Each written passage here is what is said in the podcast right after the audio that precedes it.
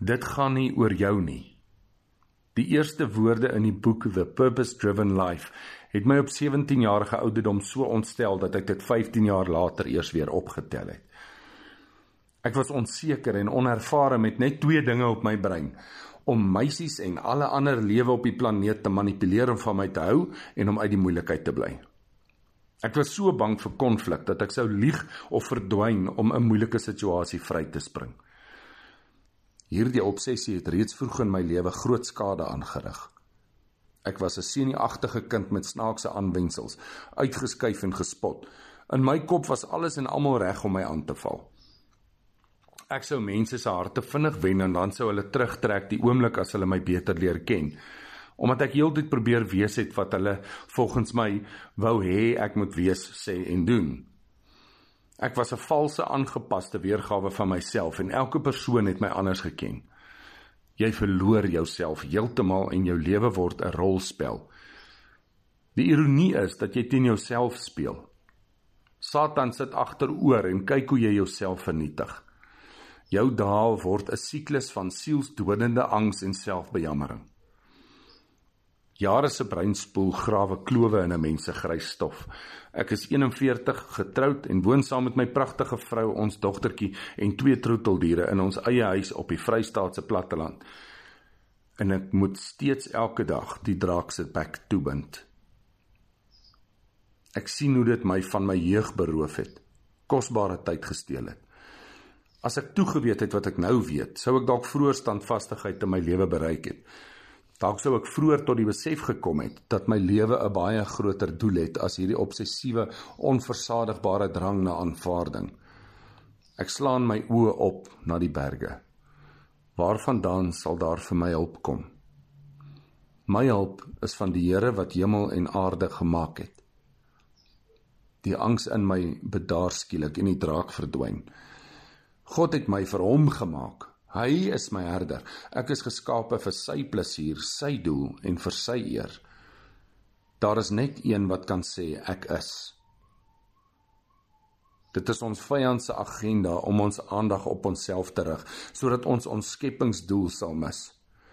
Hy baklei elke dag teen jou en hy sal nie ophou tot die dag dat jy jou kop neerlê nie.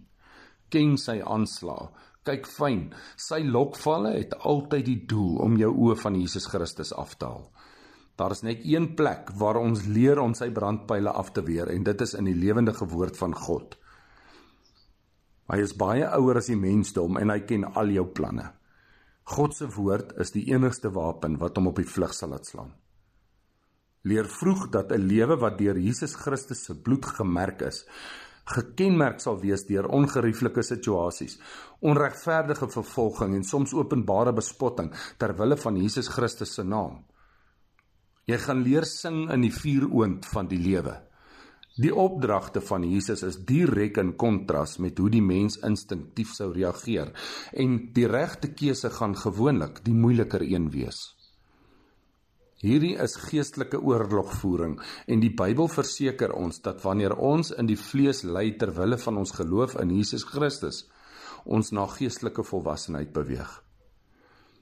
'n Soeke na bevrediging in die vlees bewerk altyd armoede in die gees. Kyk om jou.